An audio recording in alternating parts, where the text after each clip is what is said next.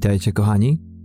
Z mocno jesiennego Brooklynu wita Was Darek i zapraszam na bonus o filmie, o rodzaju filmów, które już, y, no nie powiem w tym wieku, bo nie ma co udawać starego, ale no w tym okresie mojego życia podobne filmy już mnie nie fascynują. No a było tak, że jako dzieciak człowieka nie można odpędzić było od telewizora, kiedy na ekranie był film o wyścigach samochodowych, czy to mistrz kierownicy ucieka, co prawda tutaj to bardziej szło w stronę zawadiackiej komedii, no ale na przykład był taki film z Tomem Cruzem, może niektórzy z was go pamiętają, z roku bodajże 90 pod tytułem Szybki jak błyskawica Days of Thunder z oryginału Tonego Scotta, w którym to partnerowała mu przede wszystkim można powiedzieć Nicole Kidman, czyli jego przyszła żona, chociaż dokładnie kiedy ten film wszedł do polskich kin, to chyba już byli po ślubie. W każdym bądź razie to były filmy, które mnie jako dzieciaka zajmowały niesamowicie, natomiast postanowiłem dać szansę dzisiejszemu filmowi przede wszystkim ze względu na trzy nazwiska związane z nim. Oczywiście głównych aktorów, czyli Mata Damona i Christiana Bale'a, no ale też reżysera Jamesa Mangolda, który nie jest postacią anonimową. To reżyser, który nie tylko ma na swoim koncie takie filmy jak Logan, wcześniejszy Wolverine czy Spacer po linie, a to o tym wszystkim za chwilę. Błyskotliwa kariera zaczęła się tak naprawdę jeszcze w latach 80. tego reżysera, o czym jeszcze wspomnę. Ogólnie dużo się robiło dymu. A propos tego filmu, nawet trailery poprzedzające seanse, na które ostatnio udało mi się wybyć do kina, również zapowiadały się wyjątkowo. No jeżeli nawet nie wyjątkowo, to przynajmniej ciekawie jako rozrywka w czasie świątecznym na wysokim poziomie, w czasie, w którym zazwyczaj wychodzą filmy, które konkurują o nagrody. Przede wszystkim mam tu na myśli Oscary. Więcej jest dramatu, więcej filmu psychologicznego. Zdarzają się oczywiście, ja to nazywam spektakle, tłumacząc zwolna angielskie słowo spectacle, czyli wydarzenie, bo i różne filmy kostiumowe się wypuszcza, czy też filmy o podróżach kosmicznych, tak jak w przypadku na przykład pierwszego człowieka w zeszłym roku. No i mamy w tym roku chyba taki najgłośniejszy film, który na pewno stanie w szranki Oscarowe, jeśli chodzi o przede wszystkim kategorie techniczne. A jak to będzie z innymi? Czy jest to film godny polecenia? Czy jest to film inny? Czy jest to film wyjątkowy? I czy wreszcie jest to film, o którym krytyka mówi, że jest taki, jaki jest? Trochę kryptycznie, ale Zdecydowanie sporo mam rzeczy do powiedzenia na temat tego filmu. No i łatwo nie będzie, może tyle powiem. Na początek, dobry. Jeśli chodzi o taki lekki housekeeping, kochani, no to dla tych z Was, którzy słuchają nas trochę wybiórczo, nie gniewamy się. Chciałbym tylko przypomnieć, że z Patrykiem podjęliśmy ostatnią decyzję w dobie troszeczkę naszej takiej nieregularności, bo no ze względu na obowiązki co chwilę przesuwa nam się czy to publikacja odcinka, nie było tak, żeby nie wyszedł, ale jednak to nie były regularne odstępy siedmiodniowe, więc stwierdziliśmy, że nie zaszkodzi nam lekka struktura, sztywniejsza, można powiedzieć, naszej ramówki. Więc teraz będziemy publikowali nasze stałe, planowane odcinki co dwa tygodnie. W drugi tydzień każdego miesiąca wyjdzie połówka, czy to moja, czy to Patryka, a w czwartym tygodniu miesiąca wyjdzie odcinek pełny, więc ostatnio wyszedł półodcinek Patryka pod tytułem Black Book, czyli Czarna Księga, film uznany za najlepszy w historii kinematografii niderlandzkiej, słynnego kultowego reżysera Paula Verhovena, autora takich hitów jak Robocop czy Nagi Instynkt, do odcinka którego jak i do filmu serdecznie zapraszam, bo naprawdę warto. Natomiast w przyszłym tygodniu wyjdzie nasz pełny odcinek, który zostanie nagrany dwie godziny po tym, jak ja skończę nagrywać dzisiejszy bonus – no i muszę już tutaj zdradzić, że nie mogę się doczekać na ten odcinek, ponieważ film, który wybraliśmy, jest e, jednym chyba z lepszych, przynajmniej moim zdaniem, i tak się wyraziłem na Twitterze, o jakich do tej pory w naszych pełnych odcinkach opowiedzieliśmy. Miała być animacja. Animacji jeszcze nie będzie, bo ten rynek jest tak przebrany, że ciężko jest naprawdę znaleźć coś, co by zgodziło się z gustami obu nas, bo jeżeli coś mi pasuje, to Patrykowi niekoniecznie no i odwrotnie. Do dziś pluję sobie w brodę, że nazywam się Cukinia. Ten film wziąłem sobie na pół odcinek i omówiłem go jeszcze, o ile dobrze pamięcią sięgam, w jednym z naszych pierwszych półodcinków, kiedy to obaj z Patrykiem je prowadziliśmy, dla nadania lekkiego zróżnicowania naszym audycjom. I w tych półodcinkach pierwszych opowiadaliśmy o dwóch propozycjach, które sobie wybraliśmy. Najczęściej był to serial i film.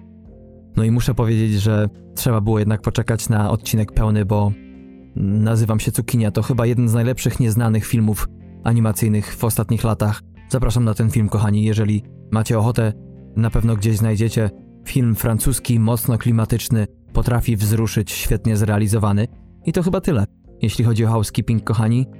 Zanim przejdę do dzisiejszego głównego dania, no to jeszcze tylko na krótko zatrzymam się przy premierach, które wejdą do polskich kin w piątek 22 listopada. W zasadzie, kiedy wysłuchacie dzisiejszego odcinka, to te premiery już się pojawiły.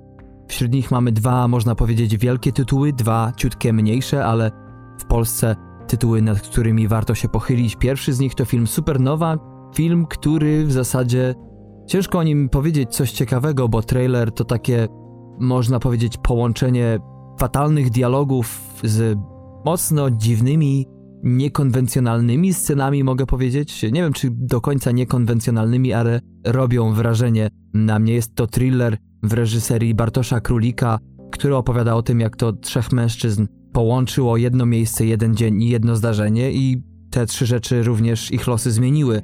Mamy tutaj m.in. polityka, który ma na celu wygranie wyborów, mamy policjanta, który chce dotrwać spokojnie do emerytury, no i mamy też mieszkańca pewnej wsi, który po prostu żyje sobie swoim życiem, utrzymuje rodzinę i zdarzenie, do którego dochodzi, powoduje za sobą całą lawinę konsekwencji i no, okaże się, do czego ludzie są zdolni w sytuacji podbramkowej. Film ten może nie ma wielkiej reklamy, no i też ciężko go winić, ponieważ jest to debiut reżyserski Bartosza Królika, za co zresztą dostał nagrodę w Gdyni. Ale jeżeli macie ochotę na film polski, no to jeśli chodzi o filmy fabularne, ten jest waszą najlepszą opcją w ten weekend. Y, oprócz tego jest również kolejny debiut reżyserski kolejnej polskiej twórczyni Olgi Bieniek. Do tej pory ta pani pracowała głównie przy kierownictwie produkcji takich filmów jak Kamerdyner Filipa Bajona, czy też Układ Zamknięty Ryszarda Bugajskiego. Trafił się jej też film Antoniego Krause Czarny Czwartek, Janek Wiśniewski padł.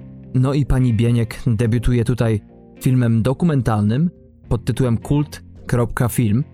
Jak się możecie domyślać, będzie to film o słynnym zespole, na którym wychowały się całe pokolenia Polaków, między innymi ja, bo był okres, kiedy to dzięki koledze z podstawówki zacząłem się fascynować twórczością tego zespołu i Kazika Staszewskiego. Można tak naprawdę kochać kult, można nienawidzić, ale chyba nie można koło tego zespołu przejść obojętnie, bo moc y, tej grupy przyciąga tłumy już od ponad czterech dekad, jeśli chodzi o polską scenę muzyczną i, i rzeczywiście jest to jeden z najpopularniejszych i najwybitniejszych polskich zespołów rockowych w historii tego gatunku. No i zobaczymy, jak ta ich kariera na co dzień wygląda w tym filmie.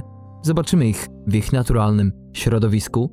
Kolejnym filmem, tutaj już przechodzimy do znanych tytułów, będzie kontynuacja Krainy Lodu. Pierwsza część weszła do kin w 2013 roku, aż ciężko mi przynajmniej uwierzyć, że to już ponad 6 lat od tego czasu. Ta część otrzymała dwa Oscary za animację oraz oryginalną piosenkę i była tak dobrym i tak popularnym filmem, że bardzo szybko jej teatralna wersja trafiła na Broadway i ma się dobrze do dziś, jeśli chodzi o, no przynajmniej bytność. Na pewno nie jeśli chodzi o jakość, bo nie jest to zbytnio uznany musical. Popularny, jasne, chociaż słyszę gdzie nie gdzie, że ciężko jest sprzedawać bilety na niego i tak naprawdę utrzymuje się tylko z tych zniżkowych, które się wyprzedają w dniu spektaklu. Tak czy siak nadal na tym Broadwayu potrafi się utrzymać, a to nie jest tak naprawdę łatwe zadanie. Pierwsza część filmu opowiadała o, może pamiętacie, o Elsie, posiadającej moc kontroli nad śniegiem i lodem, która sprowadza srogą zimę na swoje królestwo.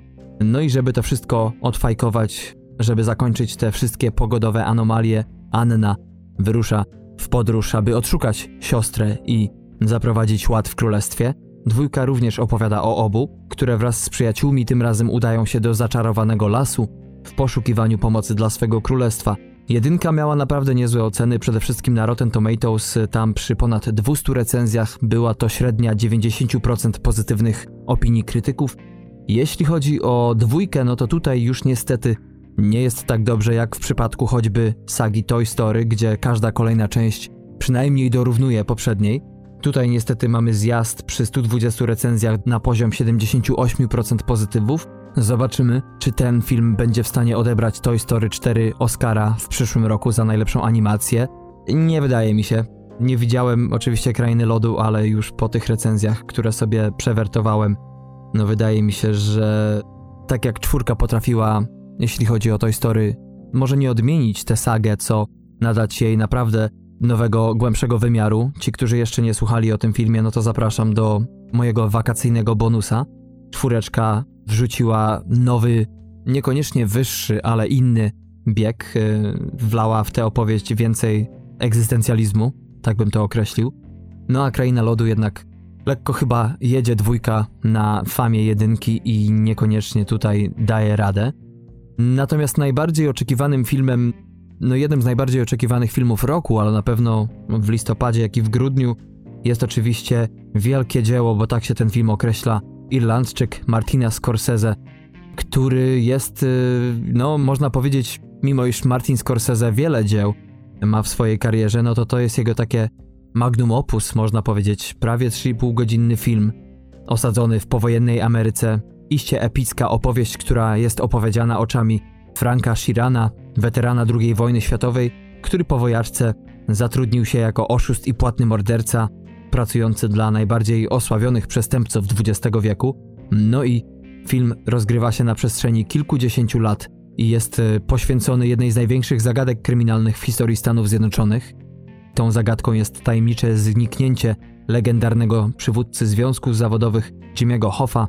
Widzowie, jak to mówi notka producencka, wezmą udział w brutalnej podróży, podczas której zostaną przed nimi odsłonięte kulisy funkcjonowania przestępczego półświadka, wewnętrznych walk o wpływy oraz kryminalnych powiązań ze światem polityki. Za scenariusz do tego filmu odpowiada Steve Zylan, za reżyserię oczywiście Martin Scorsese, który ma na swoim koncie, jeśli chodzi o ostatnie filmy, Rolling Thunder Review, opowieść o Bobie Dylanie, który jest dostępny na Netflixie, to ponad dwugodzinny dokument, który jest jednym z najdziwniejszych, jakie ostatnio widziałem, ale jest to film, który warto zobaczyć. Zaczyna się dziwnie, ale potem naprawdę rozwija się w coś mocno ciekawego. Jest to piękna pocztówka, bardzo klimatyczna tych ciekawych czasów i w ogóle całego tego zachodu, z którym musiał się Bob Dylan zmierzyć, jeśli chodzi o wyruszenie w tę trasę. Było to takie odejście w bardzo newralgicznych latach 70. w Stanach Zjednoczonych tego artysty od jego standardowej twórczości. Wyrusza on w trasę z wieloma artystami, w trasę, można powiedzieć, mocno hipisowską, świetnie wpisującą się właśnie w e, tę dekadę. No mocno hipisowską, mocniej niż zazwyczaj, bo Bob Dylan to jest jeden z głównych przywódców tego ruchu i notabene twórca, który zrezygnował z potencjalnego uczestnictwa w klubie 27, czyli w słynnym klubie twórców, którym przyszło odejść z tego świata w dość młodym wieku, czyli w wieku lat 27, którzy zaczynali swoją twórczość w latach 60., no i rozwijali ten ruch hipisowski. Mowa tutaj m.in. o Jimmy Hendrixie czy Janis Joplin. Martin Scorsese od dawna chciał zrealizować ten dokument, no i udało mu się także, jak macie ochotę, macie Netflixa czy znajomych z Netflixem, no to zawsze można wpaść na kawę czy innego grzańca. Jeśli chodzi o obsadę dzisiejszego filmu, to przede wszystkim mamy tutaj Roberta De Niro, Ala Pacino, Joe Pesciego. Dla Roberta De Niro jest to bodajże dziesiąty film razem z Martinem Scorsese. Jedenastym będzie zapowiedziany bodajże na przyszły rok, bo już teraz jest w fazie preprodukcji film pod tytułem Killers of the Flower Moon o morderstwie członków słynnego klanu indiańskiego Osage i związanego z tym śledztwa pod auspicjami administracji prezydenta J. Edgara Hoovera. Co ciekawe, w tym filmie wystąpi także Leonardo DiCaprio, dla którego będzie to siódmy film z Martinem Scorsese. I co ciekawe, a propos akcji tego przyszłego filmu, no to DiCaprio już zagrał właśnie wspomnianego byłego prezydenta Stanów Zjednoczonych J. Edgara Hoovera w filmie Clint Eastwooda z 2011 roku pod tytułem J. Edgar. Jeden chyba z jego mniej udanych filmów, tak patrząc przynajmniej po recenzjach i opiniach widzów, ale świetna rola, która się wpisuje w całą logikę Leonarda DiCaprio, który jak już wybierze film, to przynajmniej będzie to rola godna uwagi. Taką również ma być kolejny zapowiedziany film Martina Scorsese, który nie wiem czy ukaże się w przyszłym roku, czy dopiero w 2021. Będzie to film pod tytułem Roosevelt, także z Leonardo DiCaprio w roli głównej, który zagra tutaj nie Franklina Delano Roosevelta, ale jego kuzyna i wcześniejszego prezydenta Stanów Zjednoczonych, czyli Teodora. A jeśli chodzi o obsadę dzisiejszego filmu, to Robertowi De Niro także partneruje Al Pacino i Joe Pesci. No oprócz tego jeszcze Anna Paquin, Bobby Cannavale czy Harvey Keitel. Recenzje, jeśli chodzi o dzisiejszy film, są naprawdę niesamowite, bo oczywiście ten film jest już dostępny w kinach, nawet sam miałem się na niego wybrać, ale potem stwierdziłem, że skoro Patryk jednak będzie robił o tym bonusa, a nie ja, no to może sobie odpuszczę wydanie pieniędzy, skoro mam dostęp do Netflixa, jednak 3,5 godziny w kinie. No nie wiem, może się wybiorę, może rzeczywiście jeszcze coś mnie skusi i dla samego może efektu nawet, dla samego wielkiego ekranu tam pogalopuję, ale muszę powiedzieć, że tak jak obserwuję przybywanie kolejnych recenzji na portalu Rotten Tomatoes, jeśli chodzi o The Irishman, to ta ocena praktycznie od samego początku nie drgnie, bo w przypadku recenzji, a jest ich ponad już 260, ta ocena to 96% pozytywów i średnia ocena 8,9 na 10. Mówi się, że jest to dzieło roku, mówi się, że jest to jedno z najlepszych dzieł tego reżysera i powrót do klasycznego gatunku, do filmu gangsterskiego. No i ja sam zacieram ręce, bo już wam o tym opowiedziałem, że niedawno byłem na filmie. Tak mi się wydaje, że opowiedziałem w jednym z ostatnich półodcinków, czy chyba w ostatnim odcinku z Patrykiem. Byłem na filmie Motherless Brooklyn w reżyserii i w głównej roli z Edwardem Nortonem i ten film ma słabe oceny, a mi się tak podobał, tak niesamowicie na nim spędziłem czas, że aż zachodzę w głowę, jak to jest, że krytyka no raczej nie odnosi się najlepiej do tego filmu. Tak czy siak planuję o tym filmie zrobić odcinek, ale jeszcze wybiorę się w przyszłym tygodniu na niego do kina, bo po prostu muszę sobie potwierdzić, czy końcówka roku 2019 to rzeczywiście jest czas filmów gangsterskich, ich renesans. Mam nadzieję, że takim okaże się. No w każdym bądź razie The Irishman, kochani, warto, warto, warto wybrać się na ten film, jeżeli nie chcecie czekać, który początkowo miał się pojawić w Polsce tylko na Netflixie, ale co już od końcówki września wiemy, Netflix oficjalnie potwierdził, że na 5 dni przed premierą internetową, która będzie miała miejsce 27 listopada, ten film również trafi do polskich kin, także kochani, być może warto wybrać się, warto wydać kilka ekstra groszy, żeby móc poczuć moc y, kultowego reżysera, no i nie mniej kultowych aktorów. I to tyle, kochani, jeśli chodzi o premiery, wśród których tak naprawdę jeden tylko jest film, który bezsprzecznie wart jest naszej uwagi, a pozostałe oczywiście decyzja, jeśli chodzi o wybranie się na nie, należy do Was. Natomiast teraz przechodzę już do głównego punktu dzisiejszego bonusa do filmu Le Mans 66, który tylko w Stanach Zjednoczonych nosi tytuł, można powiedzieć, oryginalny Ford vs Ferrari. No chyba dlatego, żeby podnieść troszeczkę dumę narodową w Stanach Zjednoczonych, bo moment w historii przemysłu samochodowego, zwłaszcza jeśli chodzi o wyścigi samochodowe, no to jest jednym chyba z najbardziej podniosłych momentów. Film oczywiście opowiada o słynnym pojedynku firm konstruktorskich, tak jak amerykańska nazwa filmu wskazuje, amerykańskiej firmy Ford i włoskiej Ferrari, które to stanęły w szranki już nie po raz pierwszy w trakcie 24-godzinnego wyścigu. No i oczywiście opowiada ten film o perypetiach związanych e, właśnie z tym wyścigiem. Było to oczko w głowie obu firm, ponieważ e, Ferrari dominowało w tym wyścigu na wiele, wiele lat przed e, akcją dzisiejszego filmu. Na tyle Ferrari zdominowało wyścigi samochodowe, że sam Ford w roku 63 chciał przejąć tę firmę, złożono jej oficjalną propozycję zakupu. Nie tylko chodziło tutaj o dominację w prestiżowej kategorii samochodów sportowych, Amerykanom, jak i też a może przede wszystkim o walkę o globalne wpływy, zwłaszcza o rynek europejski, bo lata 60. to okres prosperity w Stanach Zjednoczonych, e, to okres, kiedy każdy dom amerykański miał przynajmniej jeden samochód, więc apetyt rósł w miarę jedzenia. No a przy okazji można było poczuć, jakie niesamowite kąski leżą tuż po drugiej stronie oceanu. No jednak y, firma amerykańska spotkała się z odmową Ferrari i to w całkiem ostrym stylu. No i jedynym, chyba najlepszym sposobem na odgryzienie się Włochom było zwyciężenie ich w Le Mans. Wiele milionów dolarów Ford włożył w te wyścigi, jednak w 1964 roku Zakończyło się to wszystko totalną klapą w słynnym wyścigu i żaden Ford nie dojechał do mety w tamtym roku, co spowodowało, że Ford zwrócił się z prośbą do Karola Shelby'ego, tutaj granego w filmie przez Mata Damona, amerykańskiego konstruktora i jego firmy, o pomoc, by podrasować Forda GT40, by w końcu móc utrzeć nosa Włochom.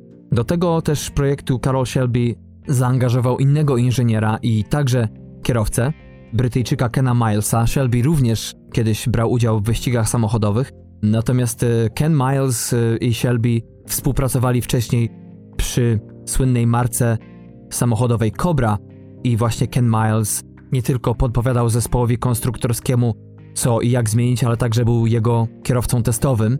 No i przyczynili się obaj panowie do sukcesu słynnej marki, dziś już mocno zapomnianej, ale wtedy w latach 60. Cobra to było coś.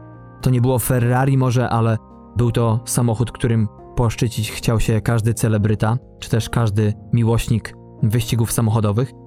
No i niestety w 65 roku doszło do kolejnej ogromnej porażki Forda w wyścigach Le Mans. Spowodowane było to przede wszystkim tym, że w ostatniej chwili podmieniono silniki w tych samochodach i żaden znowu nie ukończył wszystkich wyścigów.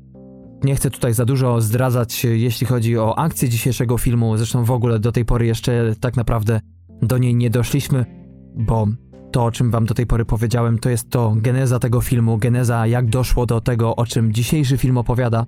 No i cóż, po porażce w 1965 roku firma Fordy nie poddała się, tylko przycisnęła pedał gazu jeszcze mocniej, co doprowadziło do poprawionej aerodynamiki, która zyskała dla samochodu aż o 70 kilka koni mechanicznych więcej.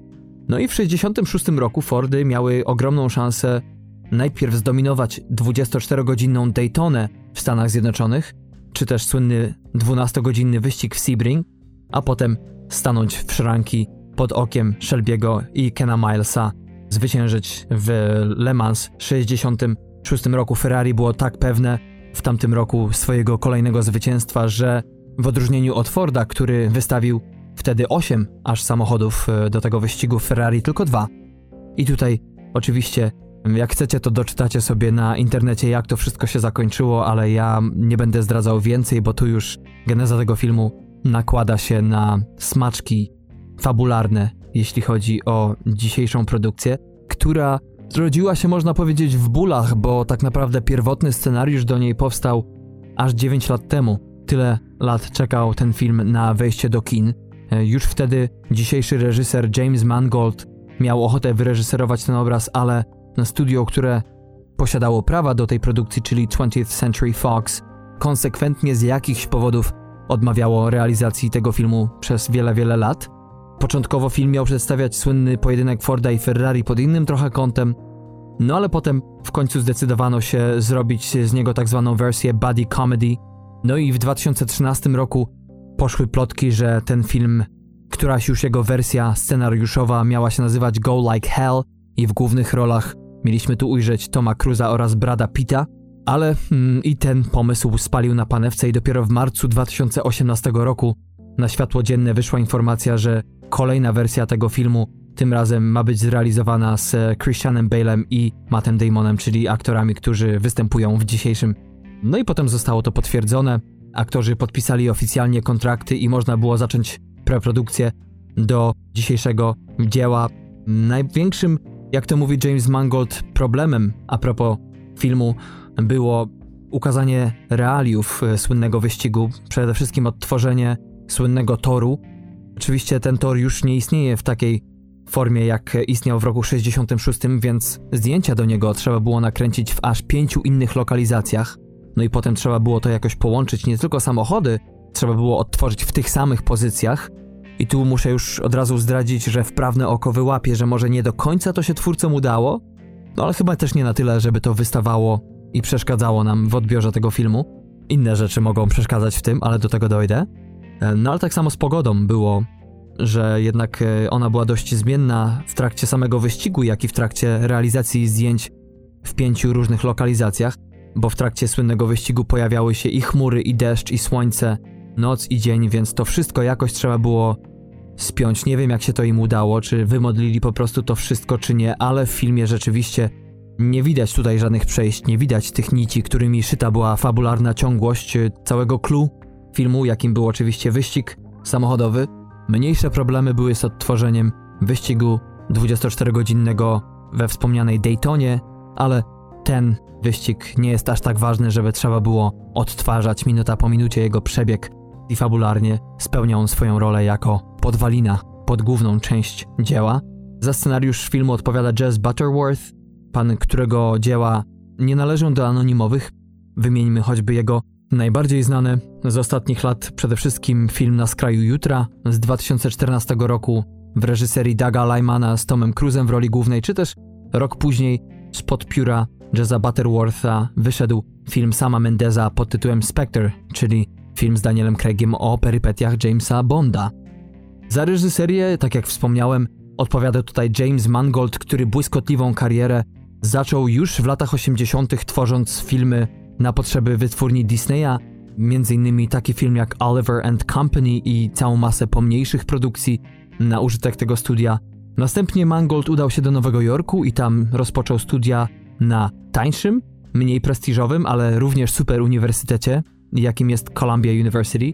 Nawiązuje tutaj to porównanie do bardziej znanego uniwersytetu, jakim jest NYU, czyli New York University, który nie tylko jest bardzo drogą placówką, ale też można powiedzieć, że jest to taki konglomerat na wpół uniwersytet, na wpół firma operująca nieruchomościami, bo według statystyk podobno właśnie najsłynniejszy uniwersytet nowojorski jest największym właścicielem, jeśli chodzi o nieruchomości w całym Nowym Jorku. A to nie bagatela, naprawdę sporo, sporo połaci. Można powiedzieć, że cały środkowo-dolny Manhattan jest we władaniu tego uniwersytetu.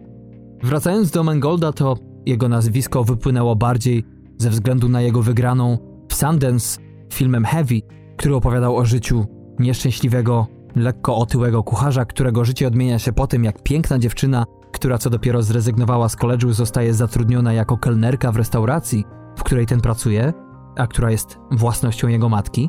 W tym filmie w roli owej pięknej dziewczyny wystąpiła Liv Tyler. Następnie mamy rok 97 i całkiem niezły film pod tytułem Copland o policjancie, który w trakcie powrotu do domu po służbie zostaje zaatakowany przez dwóch mężczyzn, których zabija w tym filmie w dwa lata po jego słynnym debiucie pełnometrażowym. Mangold mógł zatrudnić takie wielkie nazwiska, takie firmy jak Sylvester Stallone, Harvey Keitel, Ray Liotta czy Robert De Niro. Dwa lata później kolejny wielki film spod skrzydła Jamesa, czyli Przerwana lekcja muzyki Girl Interrupted z Winoną Ryder i z Angeliną Jolie.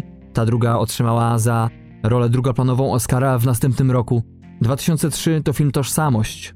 Ciekawy, mocno niedoceniony film, może niekoniecznie tak udany jak choćby poprzedni, czyli Przerwana lekcja muzyki, ale moim zdaniem także zasługujący na uwagę. 2005 to Spacer po linie, słynny film o Johnem Cashu i jego perypetiach, aż pięć nominacji Oscarowych, w tym Reese Witherspoon zgarnęła nagrodę za swoją rolę.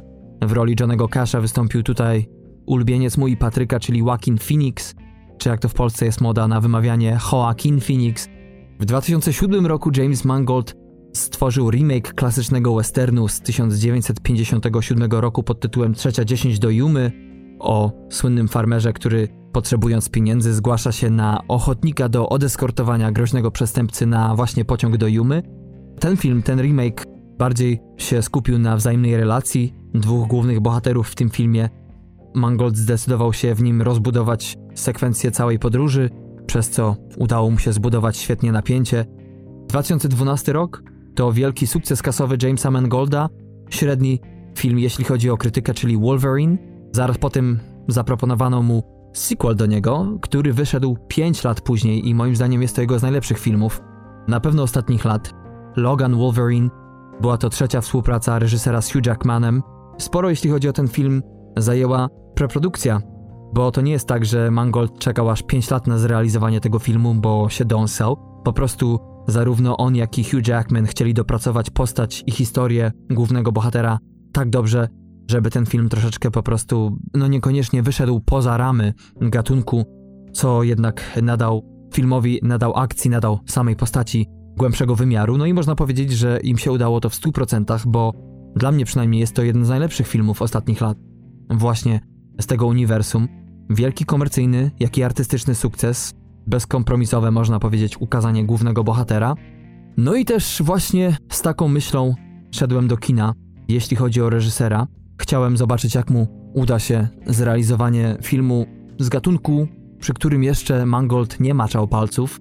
Miał pod sobą świetnych aktorów, miał Mata Damona, który co prawda ostatnio niekoniecznie hmm, wystąpił w jakichś niesamowitych filmach. Miał oczywiście małą rulkę w Deadpoolu 2.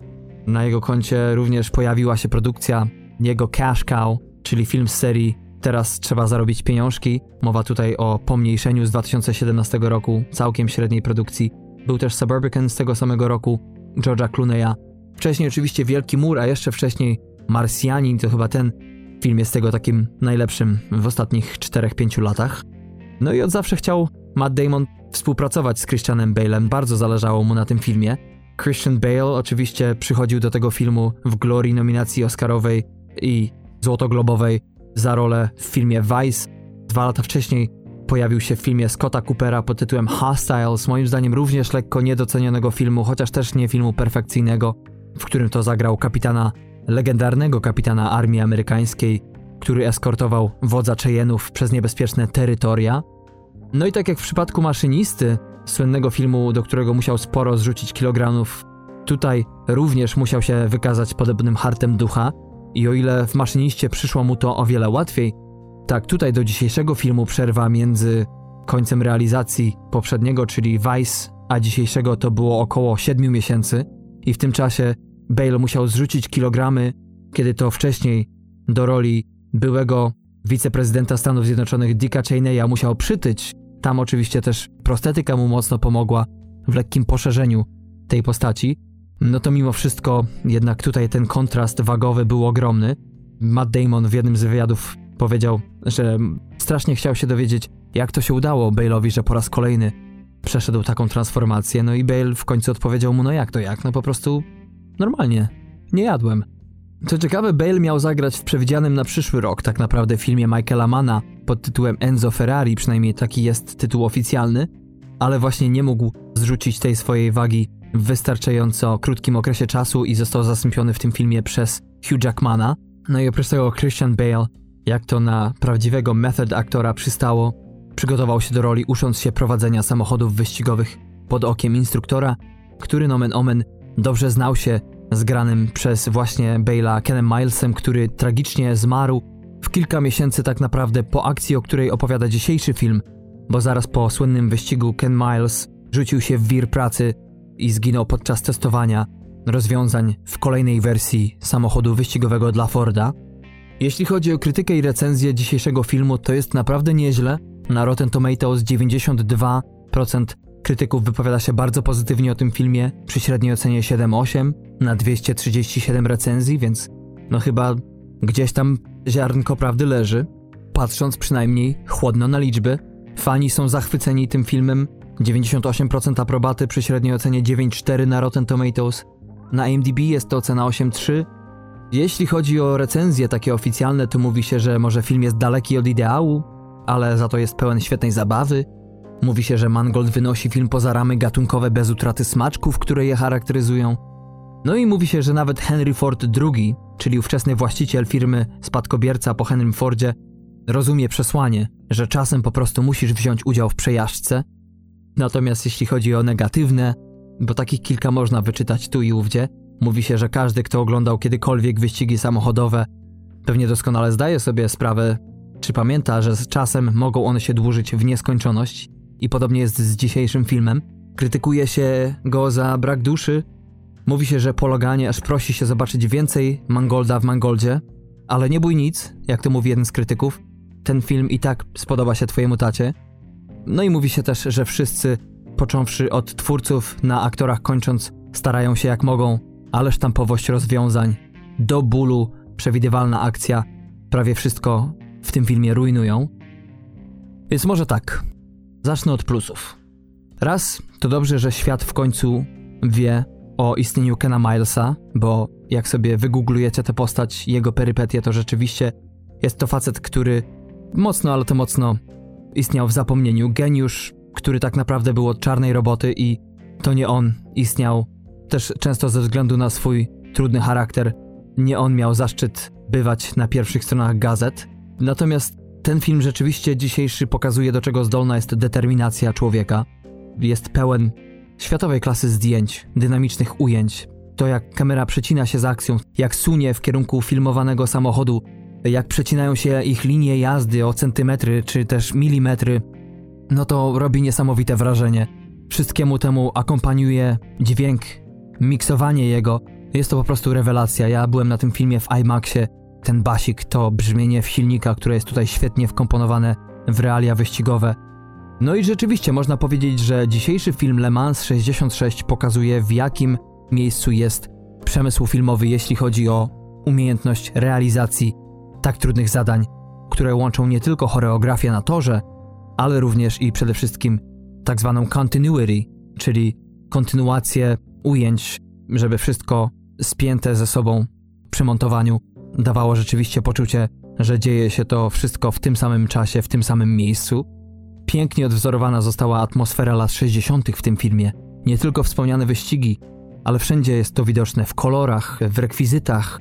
Widzimy dokładnie jakie zabawki w tamtym okresie, jakie telefony były używane przez ludzi, jakie samochody, kończąc na typowej architekturze amerykańskich przedmieść, która do dziś zresztą jest bardzo widoczna, zwłaszcza w małych czy średnich miejscowościach w Stanach Zjednoczonych.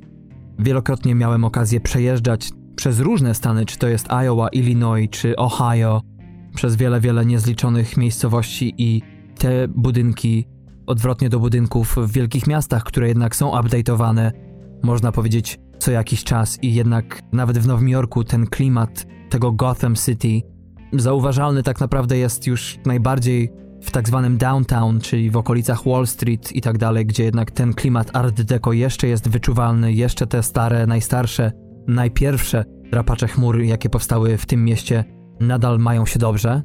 No ale poza tym to rzeczywiście to miasto się zmienia niesamowicie i mówi się, że za 20 lat ci, którzy teraz mieszkają w tym mieście, nie poznają go kompletnie.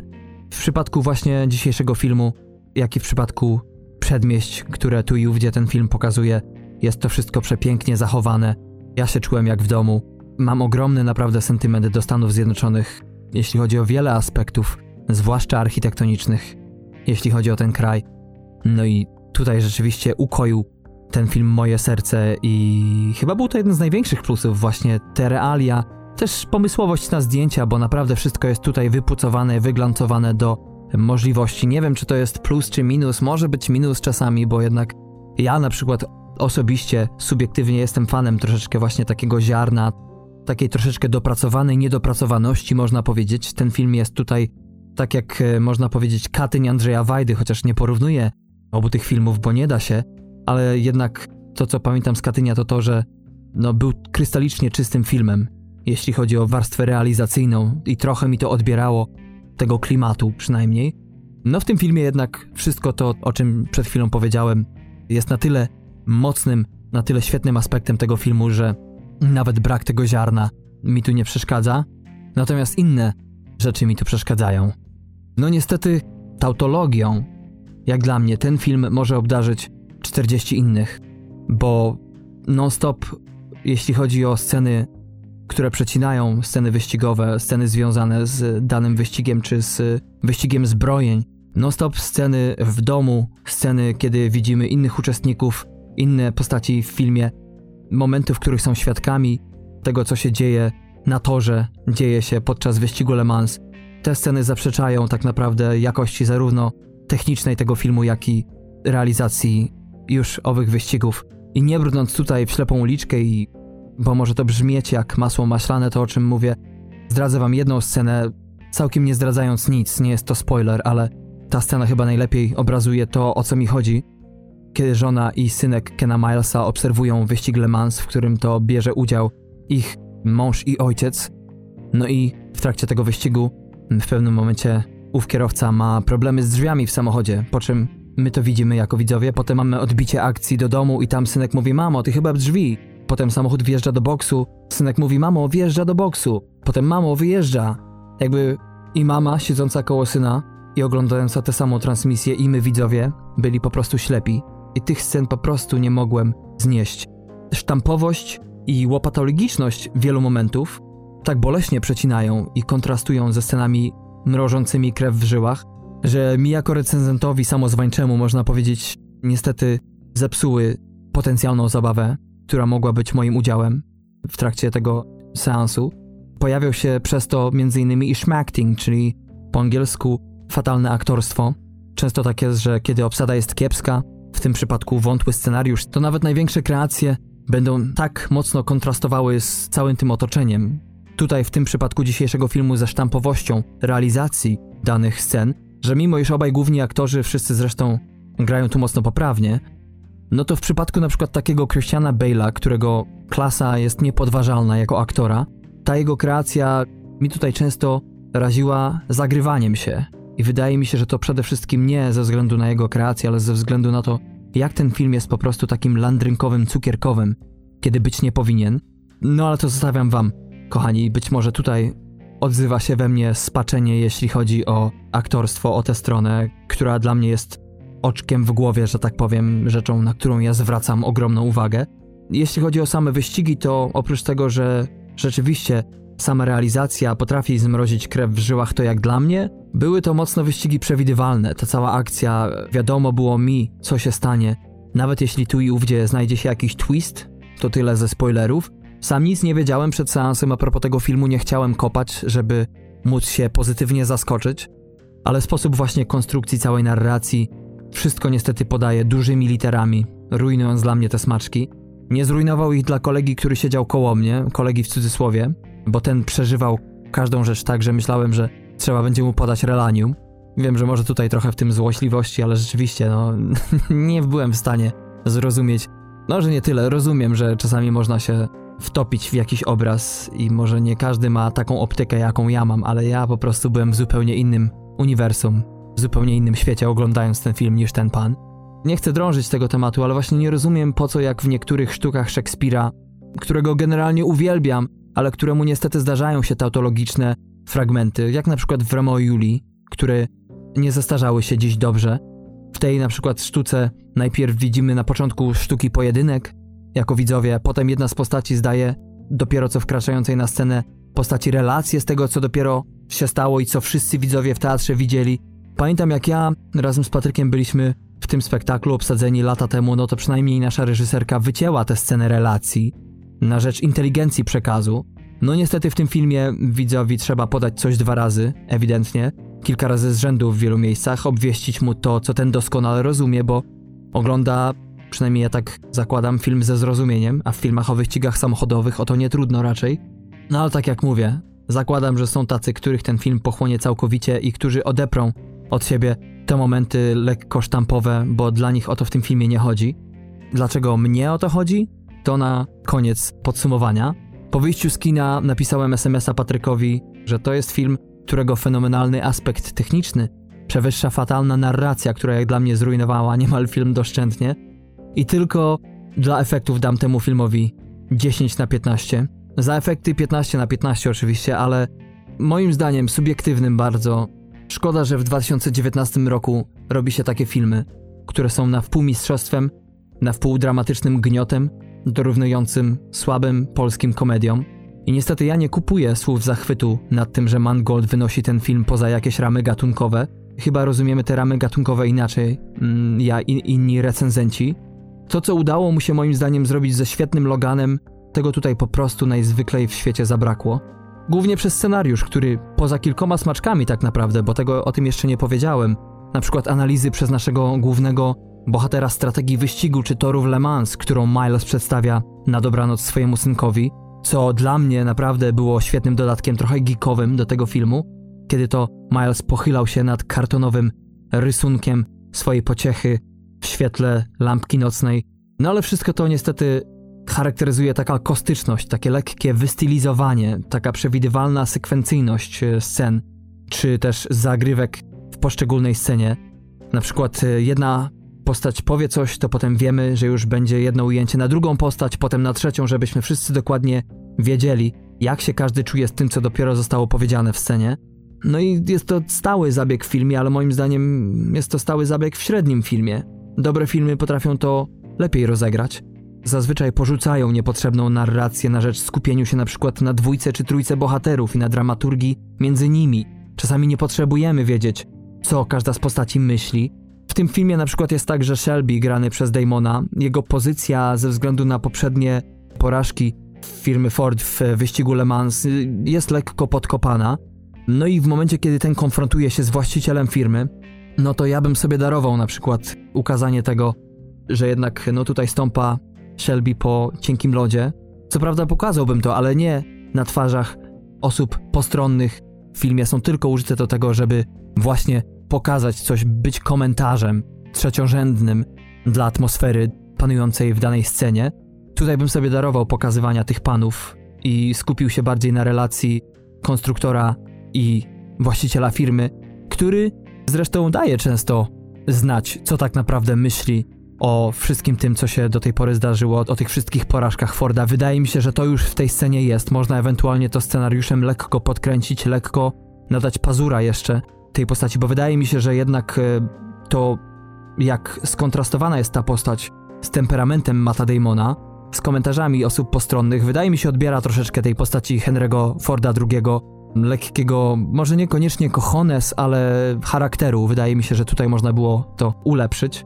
Tak czy siak, wracając do podsumowania tego filmu, bo wydaje mi się, że trochę się zapętlam, wybaczcie, jeżeli tak jest. Szkoda czasu, a jeszcze bardziej szkoda naprawdę tego mi, że amerykańscy krytycy są tak niekonsekwentni w swoich ocenach, przecząc sobie w kolejnych recenzjach. I tu co jakiś czas do tego z Patrykiem na łamach naszego podcastu wracamy. Rola krytyków polega na tym, żeby jednak uwypuklić pewną obiektywność. Żeby powiedzieć tak, to dzieło dane, oczywiście, może się podobać, można się na tym świetnie bawić, ale to nie jest wcale film kompletny. Jak można nazwać film kompletny, który z jednej strony razi szkolnymi błędami dramaturgicznymi, rzeczami, które może w tańszej komedii są jakby nieodzownym elementem tego przykładowego gatunku, no tak w przypadku filmów, które aspirują jednak do miana dzieła, no to jednak chyba tutaj troszeczkę się z panami recenzentami poróżnia, co nie znaczy, że wam, kochani, to dzieło się nie może spodobać, ale no w przypadku dzisiejszego dzieła będę tutaj stał na straży tego, że jest to film mocno niekompletny i dla mnie ocena 8,3 na 10 jest y, mocno, ale to mocno oceną subiektywną i jest to ocena, wydaje mi się, tylko 50% tego filmu. Czas trwania 152 minuty, kochani. Przy prawie 100 milionowym budżecie ten film w weekend otwarcia zarobił ponad 37 milionów. Zakładam, że przebije w momencie, kiedy wejdzie do szerszej dystrybucji w Europie. Ocencie sami, kochani. Na pewno warto się wybrać i skonfrontować, bo ci, którzy chcą dostać kolejną dawkę adrenaliny, na pewno ją dostaną. Ci, którzy będą chcieli troszeczkę wchłonąć klimatu lat 60. Stanów Zjednoczonych, też to dostaną. No i być może to, co mi się nie podobało, czyli sztampowość, taka troszeczkę sztubackość niektórych zagrań. Sztubackość to nie jest to słowo, bo ono najczęściej implikuje jakąś taką nieczystość, natomiast tutaj jest to po prostu, można powiedzieć, literalnie, dosłownie szkolność niektórych rzeczy. No mi to nie zrobiło, a może wam nie będzie tak mocno przeszkadzało. Tak czy siak, szczera moja ocena 10 na 15. Zapraszam do dyskusji oczywiście, zapraszam do uczciwej i kulturalnej kłótni, a może też i do poklepania się po plecach, bo może niektórym wam rzeczywiście nie podejdzie ten film. No i cóż, zapraszam już kochani na pełny odcinek, który ten nadchodzący piątek wejdzie do kiosków. Z Patrykiem właśnie za niecałą godzinkę zasiądziemy do nagrywania. Jesteśmy już zwarci, gotowi i przygotowani. Dziękuję kochani serdecznie, dziękuję, że jesteście, dziękuję za kolejne subskrypcje. Zapraszam oczywiście na naszą stronę domową tmfpodcast.com tam oczywiście wszelkie inne odcinki, masa filmów i seriali, o których do tej pory Wam już y, opowiedzieliśmy. Trailery, linki itp. itd. Zapraszamy na Facebooka, na Instagrama. Tam jesteśmy pod aliasem TMF Podcast. Na Twitterze zapraszamy do dyskusji. Tam TMF dolny podkreśnik podcast to nasz alias. Dziękuję jeszcze raz serdecznie kochani za dziś i zapraszam na kolejne odcinki. Trzymajcie się ciepło. Do zobaczenia, do usłyszenia. Cześć.